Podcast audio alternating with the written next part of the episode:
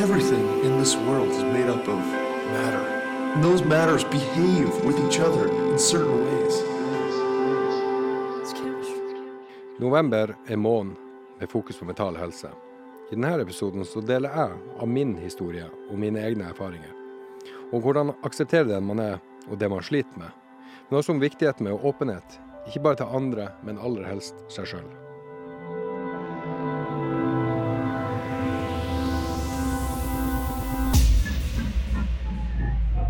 Hei. Hallo. Velkommen til ny episode. Ny episode, episode seks. Mm. Damn, vi har fire igjen. Ja. Det går fremover. trodde ikke sant, når Vi satte oss ned og starta det prosjektet og bestemte oss ti episoder og alt det der. Jeg tenkte er det ambisiøst? Det vil jeg fortsatt si et var, da. Jo, jeg må jo innrømme at Sånn.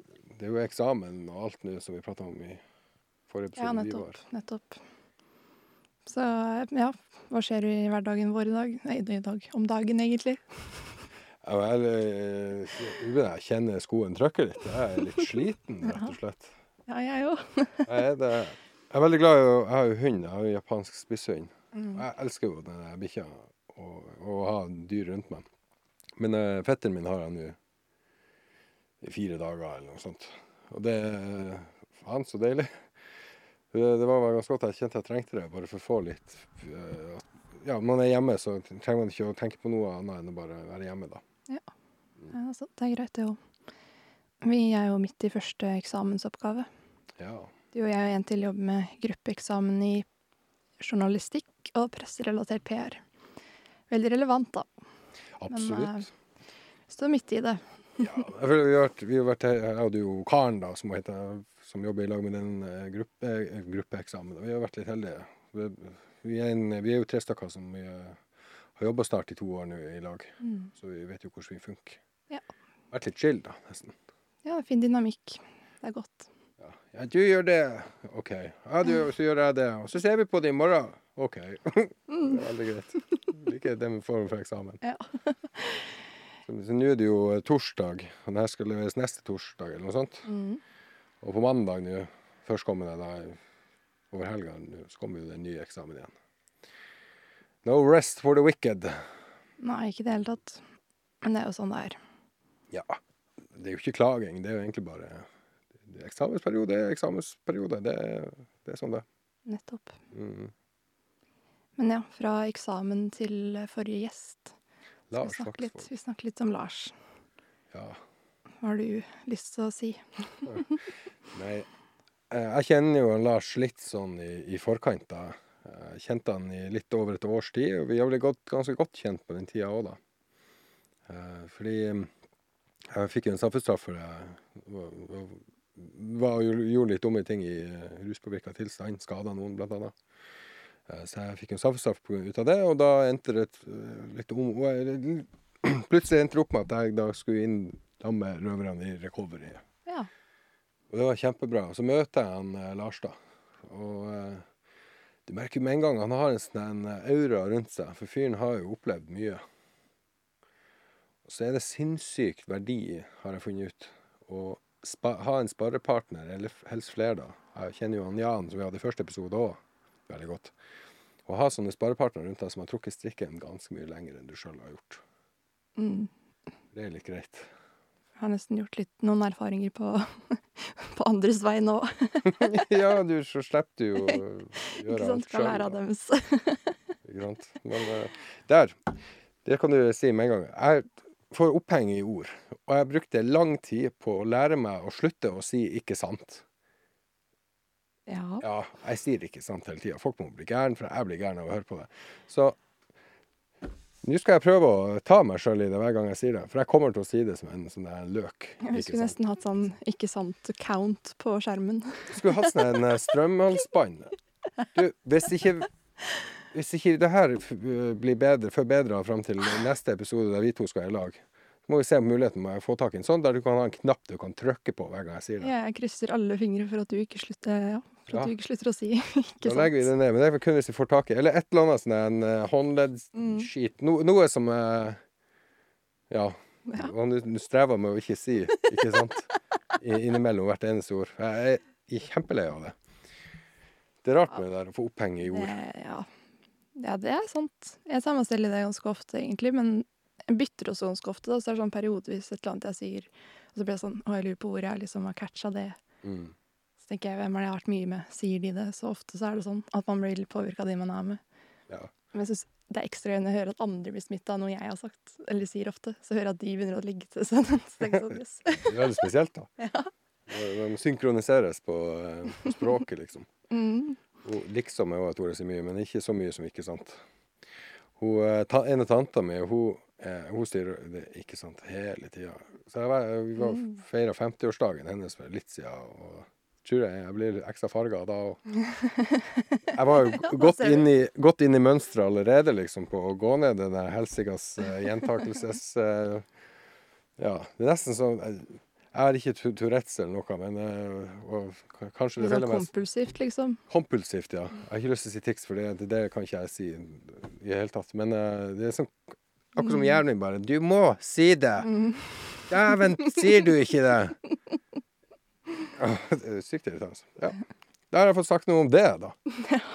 Ja, det var godt. Fått det ut. Du vet når du legger djevelen på bordet, og så peker du 'Se, der er djevelen'. Mm. Så har han to valg. Enten springer han, eller så blir han verre. Ja. Det er jo djevel, liksom. Da har vi ikke Få se hva som skjer, da. Ja, vi får se. Vi får se. Ja. Men tilbake til Lars, da. Tilbake til Lars.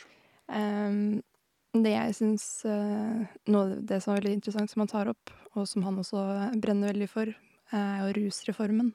Mm. Um, og det behovet vi har for den. Hva er dine tanker her?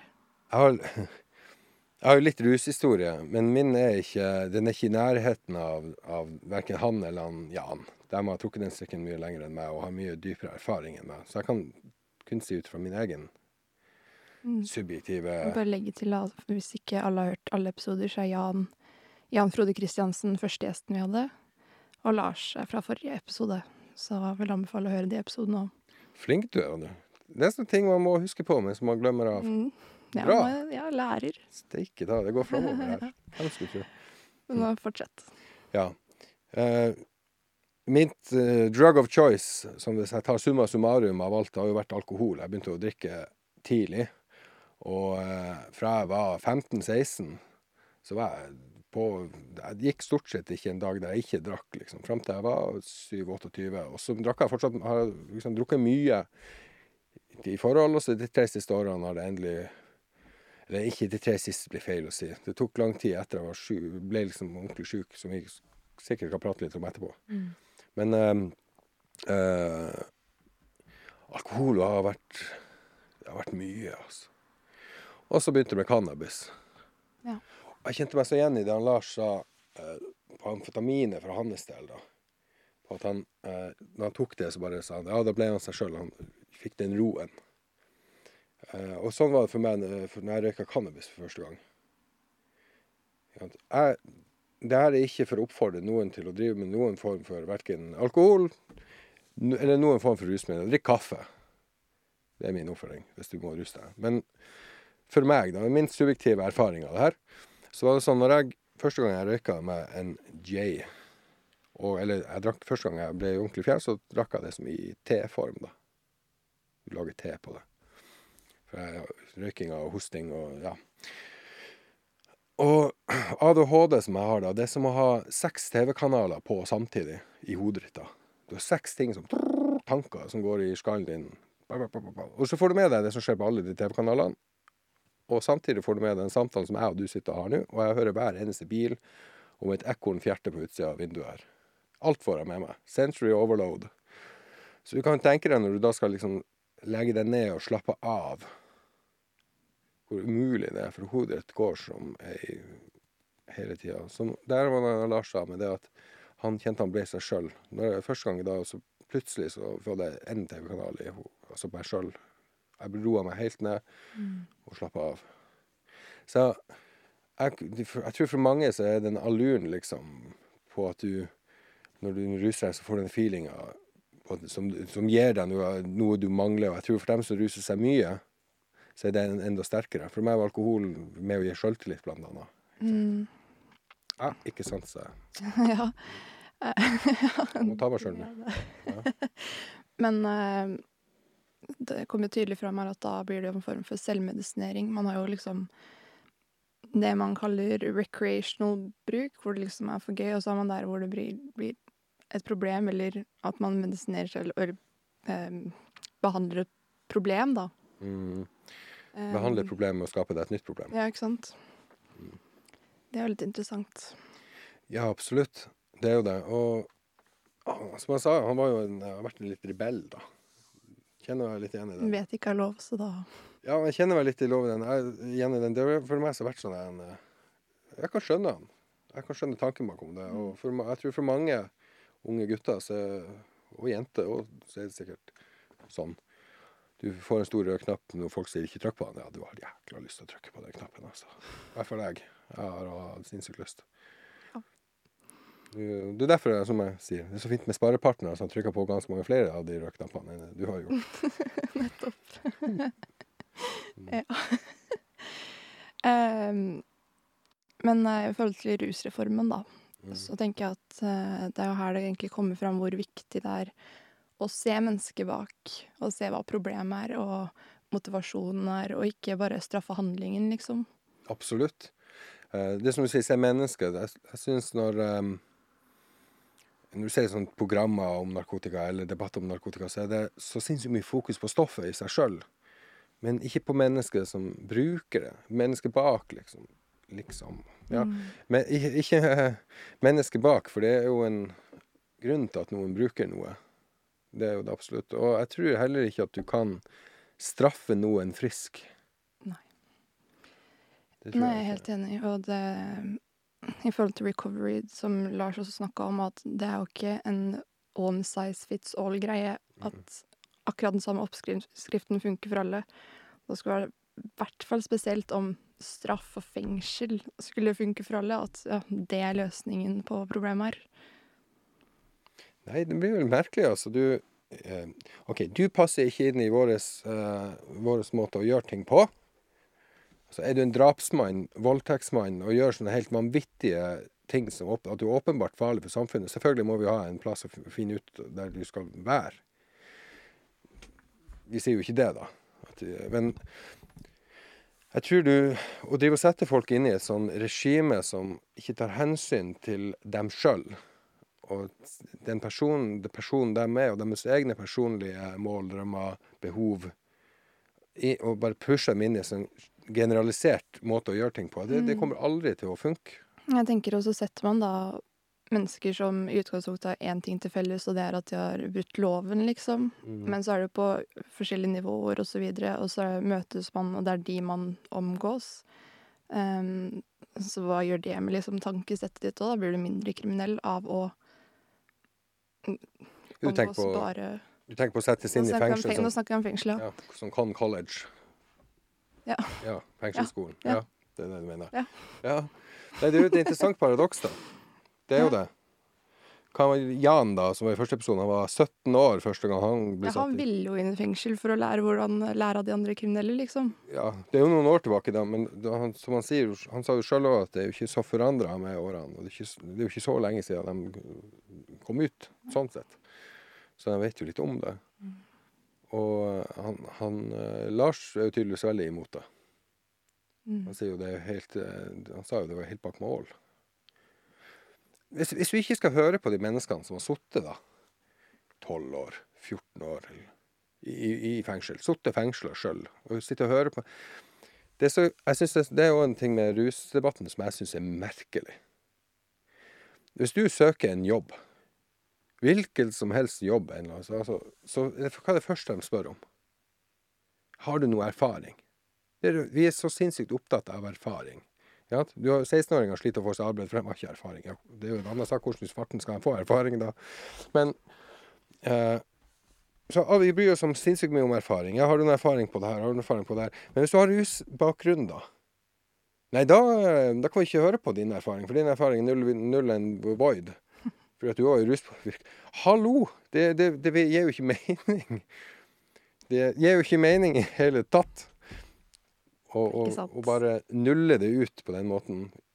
Det er jo faktisk dem som har brukt, som vet hva det går i. Nettopp. Godt poeng. Ja, og det er jo det som er så unikt med den, som du sa, den, eh, og Lars da, med den recovery eh, Jeg vet ikke om det kom så tydelig fram, men eh, recovery er jo et sånn begrep, da, et, konsept på mange måter. Og det handler jo om det at du, som vi snakker om nå, at du skal møte folk. ikke sant? Røv Recovery er et 100% brukerstyrt prosjekt. Det vil si at alle som uh, er inkludert, til og med lederen Lars Vaksvåg, har kommer fra gamet sjøl. Veit hva det går i, har gjort sine år bak huret, har, har, har gjort alt det her. Men de har jo hatt vanvittig suksess. Det har jo funka som bare juling. Ja, åh. Det har jo funka som bare juling, så hvorfor ikke eh, begynne å ta litt ting og se at vi trenger en ny løsning? Jeg tenker Man møter mennesker som forstår. Ja. Det er godt sagt, ja. Det er akkurat det, det er der nøkkelen ligger. Mm. Det, det, tror jeg er ja, nøkkelen, som du sier. Det blir jo som du går Når du vokser opp, du, hvis det er noe du lurer på, så går du til foreldrene dine, for de har jo mest sannsynlig opplevd de tingene du går igjennom. Så hvorfor ikke skal vi la de folkene her gjøre det samme, da? Vi trenger, Jeg er jo veldig for, om det ikke skinner igjennom, så er jeg veldig for en rusreform. Og det er ikke, det er ikke basert på at ja, skal, cannabis skal bli lovlig, og jeg skal, det syns jeg for så vidt òg personlig. Men det er ikke det fordi at eh, nå skal vi alle gå ut og, og ruse oss og sånt. Det er ikke der det ligger. Det ligger egentlig på at vi er nødt til å begynne å se ting med nye øyne. Fordi vi har, vi har holdt på i hva er det, 50 år i år. Krigen mot narkotika som ble starta med Nixon. Det har ikke funka. Det er jo blitt mer, mer drugs, mer kriminalitet rundt det her. Og Oslo er liksom for, I forhold til folketallet, folk dør som fluer av nettopp narkotika. Så jeg vet ikke hvor lenge skal vi gå og stange i samme veggen. Nei, det må man nesten spørre politikerne om, da. Ja, det er jo veldig merkelig. Mm. Eh, Jeg så jo når Jeg var jo veldig eh, opptatt i den rusreformdebatten når den var. Jeg var jo med røverne i Oslo dagen før den skulle avstemmes, og viste støtte på fremfor Stortinget. Og det var sånn, Jeg så, jeg så en sånn undersøkelse, jeg husker ikke hvilken avis det var, men over 70% av Norges befolkning vil jo ha en rusreform. Men så går den på ræva inne på Stortinget, fordi de, de, Altså, alt Når alt koker ned til alt, noe makt eller, be, eller, beste, eh, eller ting som blir bestemt, så kan du til slutt koke det ned til ett eller to individer som sitter og tar avgjørelser for, for, på vegne av alle. For noen må jo signere papiret. Og når du sier at hva var det du sa, 70 Mm. At ikke demokratiet skal få tale for seg da, er jo Tre av fire i Norge Mm. ønsker en reform. Det vil si at tre av fire i Norge har skjønt det her, at det her går ikke. I det hele tatt. Jeg ser, ser litt på det på samme, samme greia. I Norge er jo ikke blitt så ille, men det er ille nok. Ta hjemløse i Vi har om det her landet før, men ta hjemløse i USA.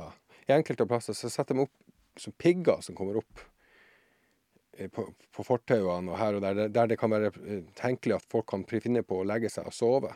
For at de ikke skal. Og så har du benker som er sånn skligere, så du ikke Hva, du, skal, du skal liksom jage dem ut av byen bare for å late som at problemet ikke eksisterer. Det nytter jo ikke. Det er jo det like mye om du velger å se det eller ikke. mm. Så er det jo folk det snakker. Mm. Jeg syns mange ganger så er, har folk så sterke meninger om andre mennesker sitt Det er jo bare å se på hvilket kommentarfelt. Folk har så sterke meninger om andre sin elendighet. Ja, vi, vi Janteloven er jo veldig sterk her i landet. Vi, ja, det, vi burde bare gjøre sånn og sånn. Du burde bare ditten, du burde bare datten. Du glemmer jo av hvor lett det er å havne der. Men så er det så fascinerende. Så jeg har sett folk og, kjent folk opp igjennom som har vært veldig sånn her fet i flabben. Hvor mye bedre de er enn andre. Og så smekk, så går det utover dem sjøl. Oi, pipa fikk en annen lyd veldig kjapt der. Eh, men i dag så skal vi snakke litt om deg, Daniel. Skal vi det? Ja, vi har jo vært litt innom deg allerede, da. Um, har lyst til å høre litt om din historie og dine erfaringer og, og sånn. Um, du har jo fortalt et par ganger at du har ADHD-diagnosen. Du nevnte jo det i stad òg. Mm. Og unnskyld meg, kompleks PTSD. Kan ikke du fortelle litt mer hva de diagnosene går ut på? I hvert fall eh, for deg, da, holdt jeg på å si. ADHD har vi jo prata om eh, flere ganger, men det er jo en um, eh, så, Attention deficit hva, Hvordan blir det? Hyper eh, jeg husker ikke i farta. activity disorder. Tenk at jeg ikke husker det i farta. Men ADHD, det er jo eh, Mange tenker jo ADHD som han fyren som springer opp og ned og er overalt. Men ADHD er jo en eh, forstyrrelse, da. Nevrologisk forstyrrelse i hjernen din. Og en måte jeg ser det på, er Jeg hørte en forklaring fra en fyr en gang, som han var lege, og han sa det på denne måten at um, hjernen din, for dem som ser på uh, YouTube, eller dem som hører på, så hvis du tar liksom to knyttnever mot hverandre, og så med en sånn en centimeter eh, mellom, så kan du tenke deg at det er nevronene i hjernen din. Og da skal det gå signaler fra den ene til den andre. Ikke sant? Og, mm, mm, ikke sant? Jeg må ta meg sjøl hver gang. Men da skal det gå signaler, da. Og hvis du blir forbanna eller glad Å være avhengig eh, Å være, ha ADHD er på mange måter som å være dopaminavhengig. Fordi hjernen din du produserer mindre dopamin enn det som er normalt. Dopamin, det er Glad, gled, gladstoffene, som gjør at du- belønningsstoffene. Belønningshormoner, på en måte, eller ja, det Det er derfor eh, ADHD, når du går med det ubehandla, så er det veldig lett for deg å utvikle depresjoner, blant annet. For du har lite dopamin, og det er vanskelig for deg å få det. Og det er derfor ADHD-ere kan få seg hyperfokus, blant annet. Vi blir kjempeopptatt av et emne, eller en ting, eller noe. Plutselig skal vi male, plutselig skal vi bli gode i det her, plutselig skal vi bli gode i det her. Så man hopper tur, tur, tur, rundt. Og så da, for meg, når jeg får litt sånn hyperfokus på ting, så kjenner jeg det, det som sånn knitter i kroppen min, fordi jeg får dopamin. Og hvis jeg går tilbake til de to nevronene, så er det sånn den ene sida pumper ut dopamin, da, og nå skal den andre snappe det her opp og sende det videre. Men den er ikke så god, de funksjonene, så noe av det her blir årlig ganske fyre i skallen din imellom de her, lenger enn det skal. Så derfor også det er vanskelig, eksempel hvis en ADHD blir trist, så blir du kjempetrist. Blir du sint, så blir du kjempesint. Du føler rett og slett følelsene dine fem ganger sterkere. Um, du overtenker hele tida. Eksempel sånn at jeg kan gå inn i et rom, og hvis jeg sier hei til alle La oss si det er hypotetisk. Jeg er på en jobb, og så går jeg og sier hei til alle når jeg kommer på morgenen. Og så svarer en eh, hei, eller ikke svarer meg. Jeg kan gå hele dagen og lure på det. Det er ikke, det er ikke sikkert personen har egentlig Det hadde noe med meg å gjøre, men jeg kan gå hele dagen og tenke hvorfor, hvorfor er det sånn? Har jeg gjort noe? Har jeg sagt noe feil? Har jeg ditten? Ja. Slitsomt. Ja. Kompleks PTSD er storebroren det er som jeg liker. Jeg ikke, jeg er ikke helsepersonell. Jeg sier det for, her er min, av begge to, min oppfatning av hvordan det er å ha det. Ja. Yes. Eh, kompleks PTSD er på en måte storebroren til den, den som mange kjenner som PTSD. Posttraumatisk stressyndrom.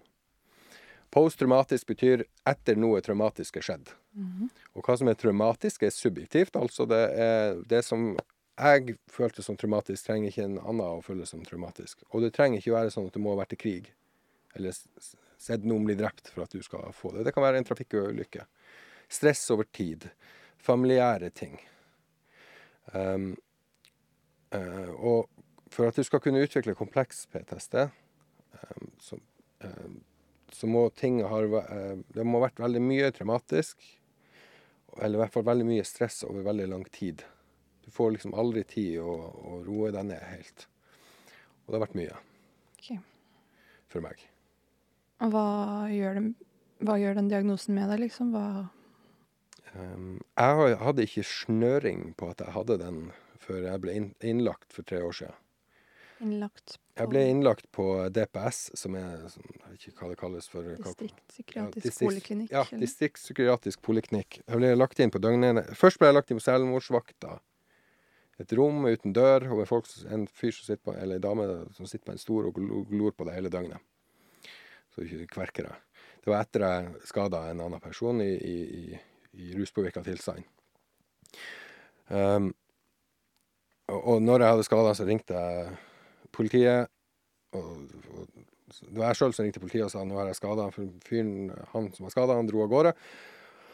Og da spurte politiet hva jeg ville. Så sa jeg hvis jeg nå har gått så langt å skade noen, da jeg vil legges inn. For, for jeg har eh, Jeg har prøvd å ta livet av meg opp igjen i livet mitt sånn fire ganger. Nå er det veldig dystert og veldig alvorlig, men jeg, det er veldig viktig for meg å snakke om sånne her ting høyt og tydelig. For jeg vet det sitter andre der ute Det er nettopp det. Det er jo ikke viktig bare for deg. Nei. Um, så, og da, og og i, i den perioden så I forkant oppløpet til det her, i 2018 tror jeg det var Jeg er så dårlig Det er en ting som det òg gjør med deg. Du sliter med å huske ting kronologisk.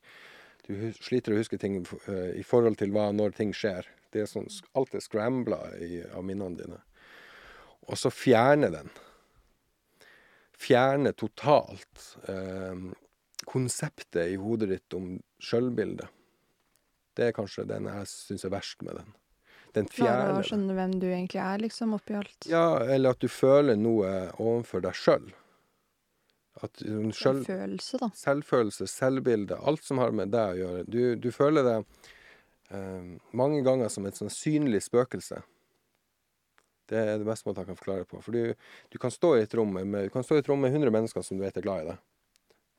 Som du bare vet det, for det er familie, venner, eller hva enn det måtte være. Kjærester.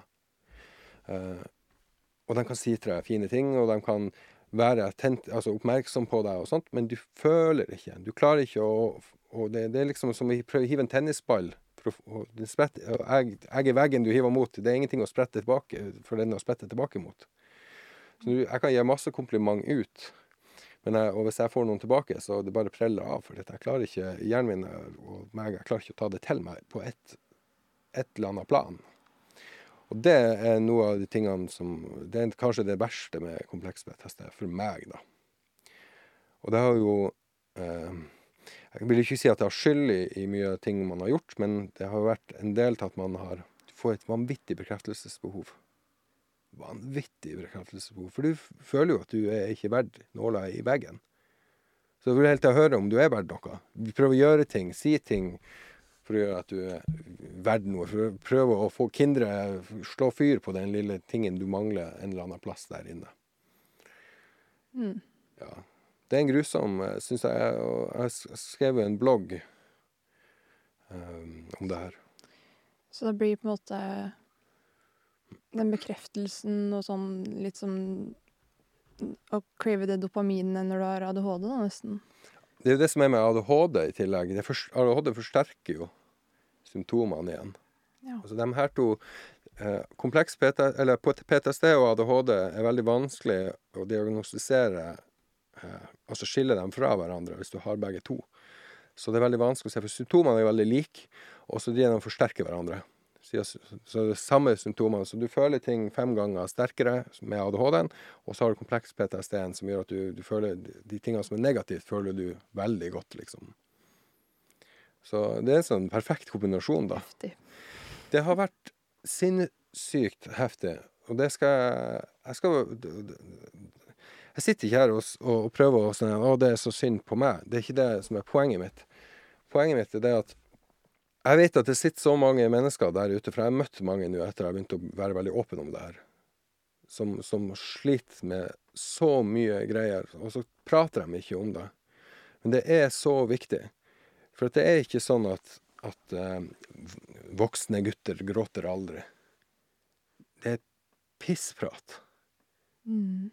Selvfølgelig burde vi gjøre det. Du burde, være, du burde være ærlig nok med å si til deg at hvis du føler deg ræva, så føler du deg ræva. Og vi burde, være, ha, vi burde jo ha et Det blir jo sånn som med det med rusreformen. Vi burde ha et samfunn der det er åpent for at du kan være ærlig om ting. Så slipper vi for pokker meg å, å skyve problemene inn under matta, og så driver folk og skal prøve å eh, løse det på egen hånd med sjølmedisinering på rusmidler, eksempel. Ja. Det er ikke alle som går den veien. Jeg tror vi hadde hatt mindre om det om vi hadde bare vært litt mer ærlige om hvordan ting egentlig er. Mm. det Og godtatt det for, for hverandre. Mm. Viktig. Mm. Helt enig. Um, kan du fortelle litt om oppveksten din? Og, for du sa kompleks PTSD er noe som kommer av ja, traumer Mm. over tid. Um, ADHD er medfødt. Medfødt, ja. Um, ja, fortell litt om uh, livet til Daniel fra Mm. børjan. Ja, det er mye morsomt og veldig fint. Jeg har, eh, jeg har veldig mange flotte, men fantastiske mennesker i mitt liv som jeg har hatt hele tida. Um, jeg er født og oppvokst eh, ut, oppe i Tromsø i Nord-Norge, som sikkert dialekta mi avslører. Eh, Jeg kommer Det er, nå blir det sikkert dem som er der inne, for jeg bruker ikke å si at jeg kommer fra Sjursnes, som er en liten bygd utenfor. Jeg kommer fra Tromsø.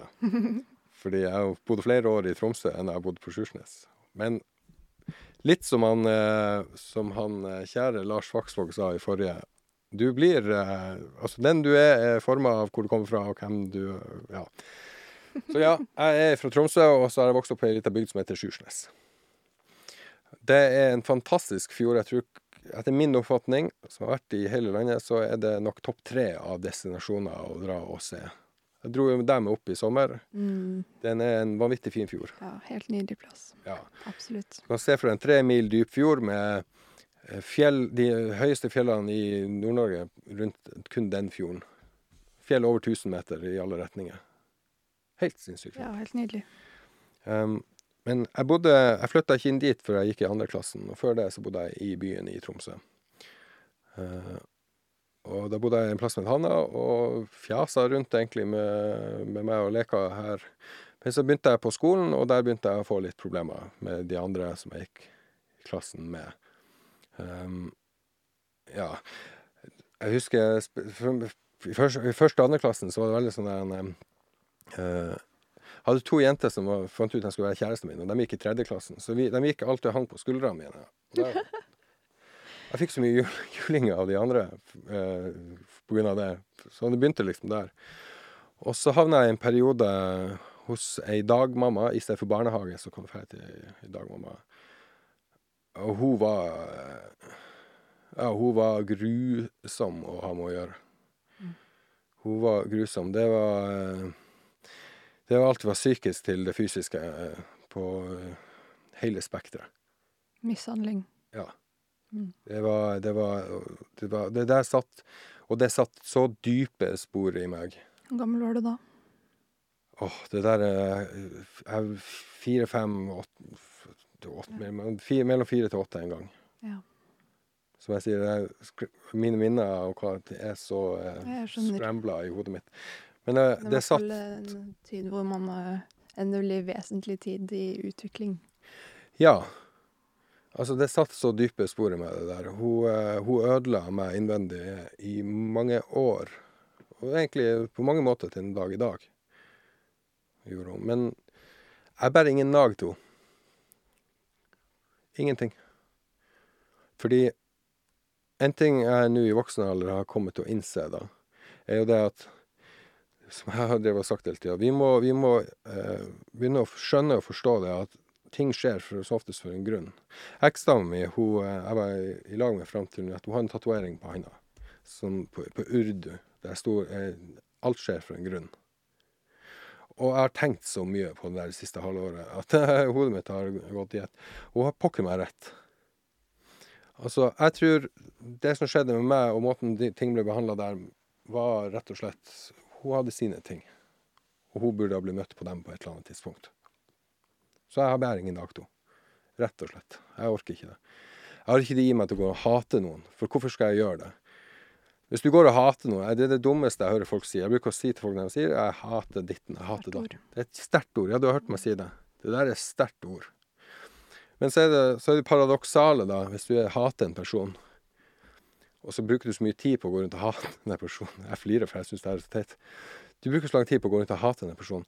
Men hver gang du går og tenker på den personen, så driver du, du bruker av din energi Ja, på det går bare utover deg selv. Ja, så da vinner jo den her personen. Hvorfor, hvis du virkelig hater noen, så, så eksisterer den ikke for deg. Det er det jeg sa i en annen episode om tilgivelse òg. Det er på en måte deg selv du gjør den største tjenesten ved å tilgi noe. Mm. For det er du som går rundt og bærer på der. Ja. Bærer, ja, bærer et nag. Så Absolutt.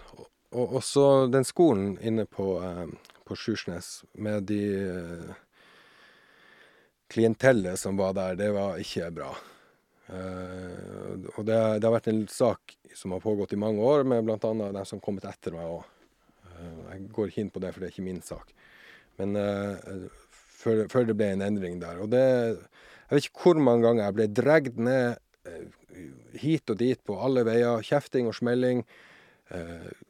Vold har òg vært på ting du eh, pokker meg ikke har gjort. altså vold Lærere som har vold mot elever, eller elever Og for, for andre foreldre. Ja, altså det, det, har vært, det har vært mye.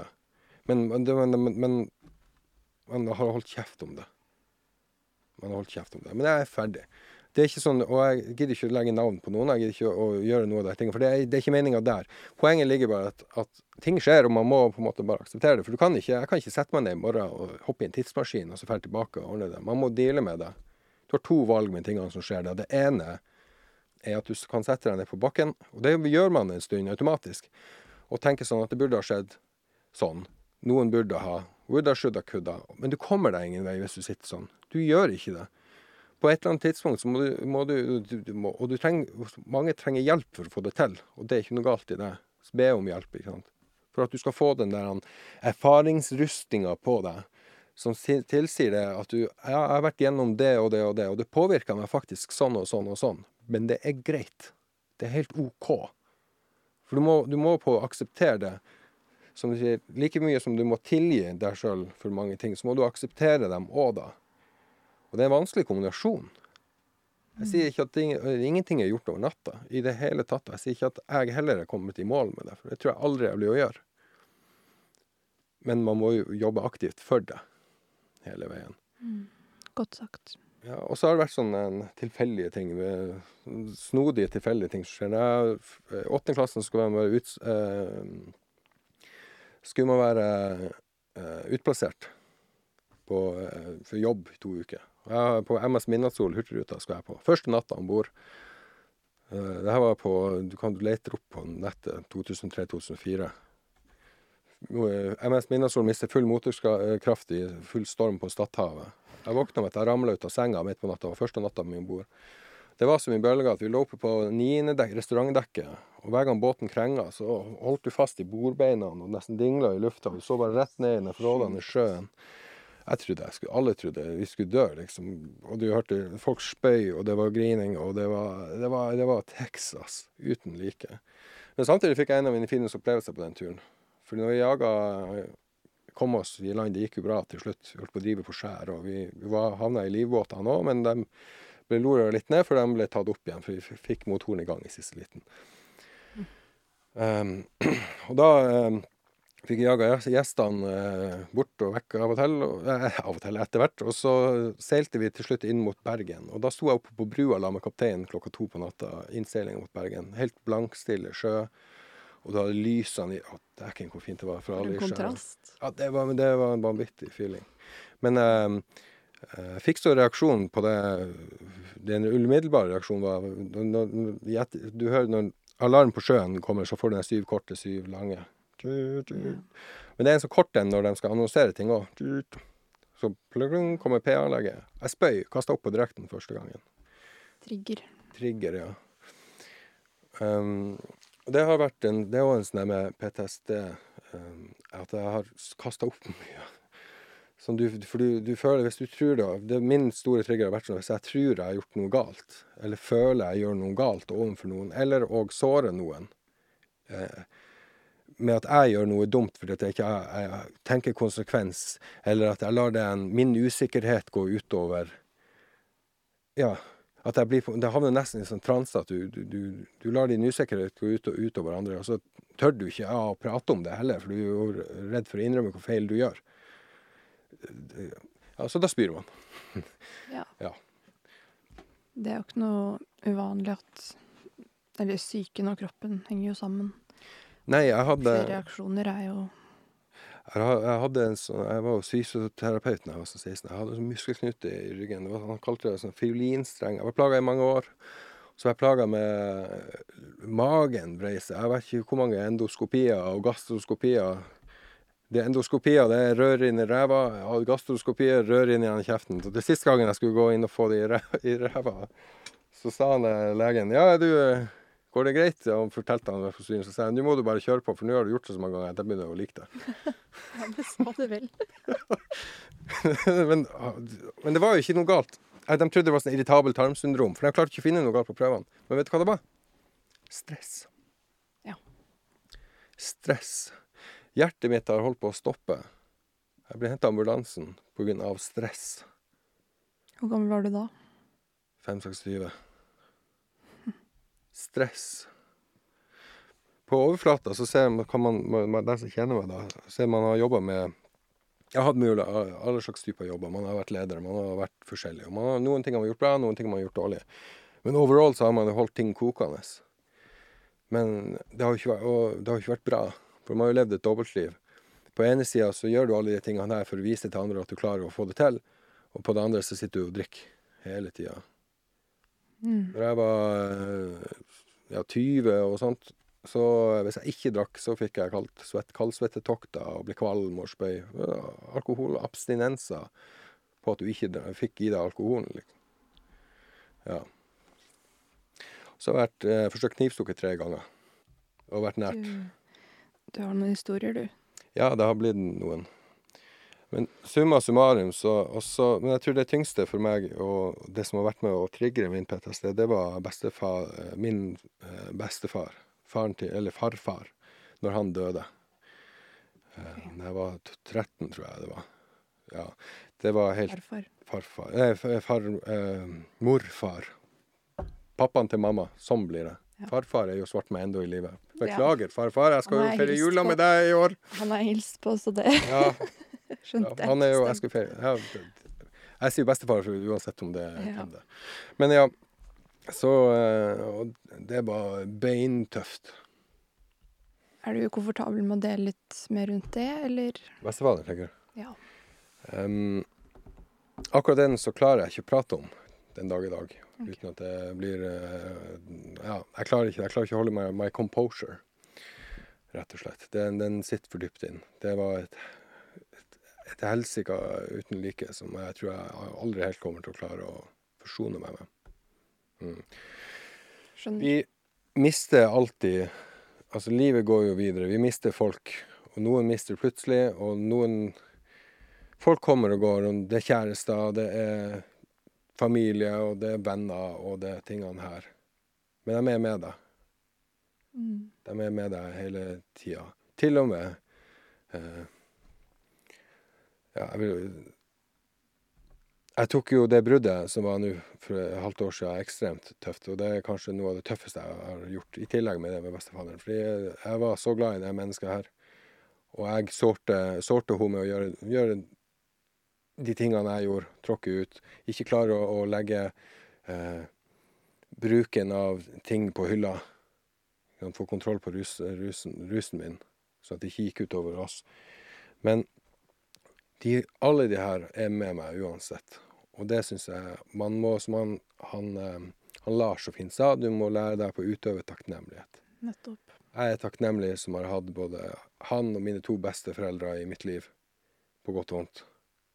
Jeg er kjempetakknemlig for de seks årene jeg fikk la henne. Jeg er kjempetakknemlig for alle jeg har vært med. Og, og det er litt viktig, det der. At ja, det skjer mye, men man må egentlig bare eh, prøve å snu det om til noe positivt for seg sjøl. Og noe du kan ta med videre. Sånn litt, sånn- for det er alltid noe Mm. å hente ut fra opplevelsene dine. Mm. Ja, vi var jo inne på at du hadde litt arta historier her. Skal vi føle det over på noe litt eh, morsommere? Vet du hva? si. Vet du hva? Jeg skal fortelle en. Du, Som jeg sa, har du en del mageproblemer før. Ok, ok. Ja, men uh, det her må komme. Ja.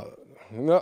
Og så kjørte jeg taxi her i byen. For det skjer jo, som jeg sier, det skjer alltid noe morsomt i elendigheten, og det gjorde det her. Jeg har sinnssykt plage med magen, og da mener jeg jeg fikk sånne vanvittige kramper og løs mage. Altså sånn det, smerter du ikke tro, og du plutselig måtte du bare på do, kom du ikke på det der og da, så skjøt du på det, så å si.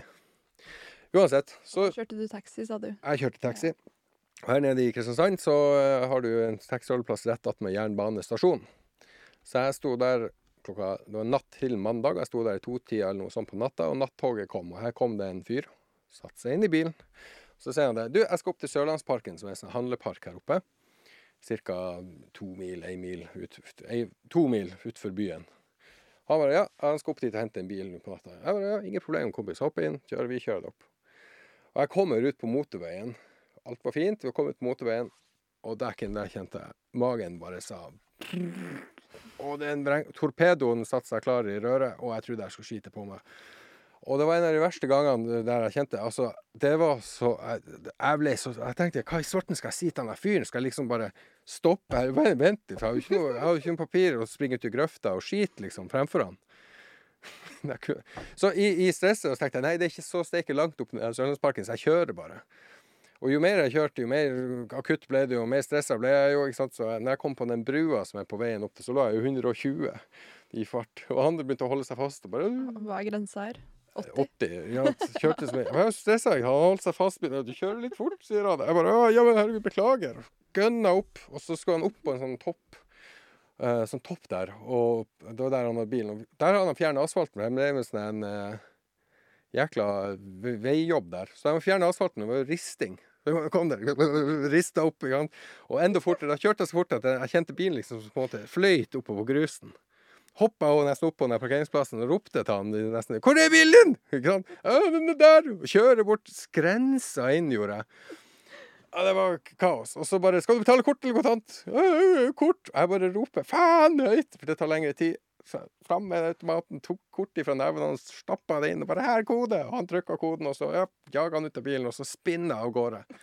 Og ned den samme bakken på tur, for jeg må kjøre hjem, for jeg bodde i nærheten da. Så jeg kjører hjem, kjører hjem. Kommer ned den ristebakken, og bare kjente at det der er heaten min ikke lenger. Nå, det går ikke. Så jeg bråbremser bilen, og febrilsk ser meg rundt om jeg hadde et eller annet form for papir i den bilen. Jeg hadde ikke en skit. Wow, bra pønn. jeg hadde ingenting av papir i bilen, men jeg hadde en tom sånn gul Haribo-pose, godterpose. Den tok jeg i neven. Åpna opp døra, ut av bilen, og så gikk jeg i grøfta. Og da var det sånn grøfta gikk litt ned, og så gikk den opp som et lite platå. Kommer jeg opp der og trør en, to, to skritt eller noe sånt og kjenner at her går det, det går hit, men ikke lenger. Og tar tak i et tre, godteriposen i neven, trekker i buksa og lar det komme. Og så sitter jeg, så ser jeg jo gutten, kunden, kunden kommer jo kjørende ned samme veien med lysene på, og lyser meg så fint opp der. Jeg satt liksom med, med ballene i lufta og, og, kne- buksa på knærne og en godteripose i neven og smilte til han. Det var jo så godt å få det ut. Jeg visste ikke hva jeg skulle gjøre. Han hadde å smile, så han tenkte med en gul godteripose i neven sitter jeg og Det har vært, som jeg sier, det har vært sinnssykt morsomt. Mye kule folk. Man, man har jo blitt kjent med så fantastiske eh, individer. Og, og de nære vennene jeg har, liksom Liksom. Og de nære vennene jeg har, det er De vet hvem de er. Det, og det, det, de sitter så tett på meg, og vi eh, Det er en gjeng med gærninger, altså. Det er en gjeng med som det blir med Peter, som stakk, stakk til eh, London. Men det blir som han Roar, som har vært en venn av meg i, i mange herrens år, som vi diskuterer metafysikk med. Lan Birger Dahl, eh, som kommer som gjest her. Ja. Alex, en annen kar, og, og, og flere. Det, det, det er bare Og det er jo litt fint med ADHD òg, da. For det er greit nok at du ikke har den konsekvenstenkinga, men du, du ser mye greier rundt deg hele tida. Du finner på mye, mye morsomt. Ja, det gjør det. Spilte band av meg og Ja, veldig mye greier. Men det er gøy at du deler fra, fra livet ditt. På godt og vondt og, og flaut. Eller, eller er jo- det flaut? Ja, nei, jeg ser ikke på det sånn flaut der og da, kanskje, men jeg, jeg gjør egentlig ikke det. Så, men kanskje vi skal omformulere litt det vi ba om i den forrige episoden som vi hadde sammen. OK. For vi ba jo om at eh, folk skulle finne, sende inn flaue øyeblikk. Eller deres flaueste historie. Mm. Kanskje vi skal gå for morsomste i stedet, så får vi noen mails. Please send oss mail. Jeg, jeg kan fortelle en jeg, jeg har hørt fra, fra, en, okay. eh, fra noen i, i min krets. da. Okay. Jeg gidder ikke si hvem, for det har jeg ikke fått lov til. Så vidt jeg vet, for jeg har bare hørt den bli fortalt nå. Jeg sier det er en av tantene mine. Såpass kan jeg si. Involverer tantene mine. Og De hadde vært på en sånn klesbutikk, og så skulle ene, ene tanta mi gå inn for å prøve noen klær i et prøverom, og så fant hun andre ut hun skulle være morsom, for de hadde med seg noen kids. Så hun går bort hun der som skal være morsom, og tanta mi går bort, river opp den prøveromsdøra mens hun roper 'Bø!' Det er Inni der sto det jo gammel bestemor på noen og åtte. ikke sant? Hun hoppa i taket. Hun hadde ikke, for Tanta mi hadde ikke fått med seg at hun andre tanta hadde skifta prøverom. Ikke sant? Det, den er morsom. Ja, den er fin. Den er fin. Det er ekte flaut her Ja, da. og, og samme tanta mi, vi, jeg og hun eh, drev en kafé i lag. Hun hadde gått um, Vi hadde, måtte få en elektriker dit. Og ja, vi måtte få en elektriker på den kafeen, for det var, det var stikkontakt under vaskepunktet. Altså, det var farlig, rett og slett. Og hun kommer den elektrikeren og hun går rundt med den fyren og sier Faen, det var komplett Se på det idiotarbeidet! Pokker heller! Jeg skulle, jeg skulle tro jeg hadde fått ja, fagbrev i posten. Jeg, jeg kunne gjort det bedre! Kjefta og smelte. Og du ser han der stakkars elektriker, han blir jo mer og mer slukrygga før han plutselig sier «Au, det var jeg som var installert det her. stakkars mann. Ja. Så det er mange. Du må bare høre litt rundt. Ja, det er sant. Det er sant. Gøy.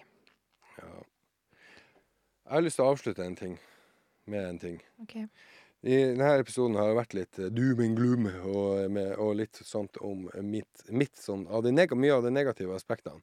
Men det er veldig viktig for meg å understreke for dem som lytter, på at poenget med, med det er å minne Hvis det er noen av dem som ser på, eller lytter, lytter eller kjenner noen som gjør det, som sliter, så vit at man er ikke alene i ting. Man er kun alene om det hvis man velger å være det. Og det er håp. Det er alltid håp. For man må aldri, aldri gi opp. Ikke gjør sånn som meg og prøve å ta livet ditt. Det er, ikke sant? det er mange år siden Mange år siden jeg gjorde det. Jeg kommer aldri til å prøve noe sånt igjen. Men det er, det er alltid noen. Og hvis ikke du har noen, så send meg en melding. Ingen skam i å be om hjelp. Overhodet ikke. Det er så viktig. Jeg kan ikke understreke det nok, for du er verdt alt av eh, Du som individ er verdt alt av kjærlighet og alt av eh, støtte. Mm. Og vi alle mennesker fortjener å bli hørt. Helt sant. Mm. Bare ta en sånn en kjapp liten runde på å minne på at hvis man har lyst til å dele morsomme øyeblikk, eller ha kontakt på noen måte, eller bare følge med på sosiale medier, så er det på Kunsten å leve med dobbel A på Instagram. Kunsten å leve i ett ord med dobbel A, podkasten på Facebook. Og mailen er kunsten å leve podcast at gmail.com. Yes. Det er bra du Og- husker de tingene. Og nå har vi faktisk nesten runda 1000 avspillinger. Det syns jeg er stas, da. Jeg syns det er gøy å vise at, man har, at det faktisk går litt. Jeg trodde aldri det her prosjektet skulle eh, Oi! Nei, hva tror t- Man tror jo ikke det på, på sånn, sånn man lager til noe sånn prosjekt bare for, eh, for å se om det funker. Og så tilbakemeldingen har jo vært helt vanvittig. Vi er Mm. supertakknemlige for alle dere som har fulgt oss, alle dere som har delt, alle dere som eh, gir oss tilbakemeldinger. Dere er gull verdt, og det, det gir oss kjempemye. Mm.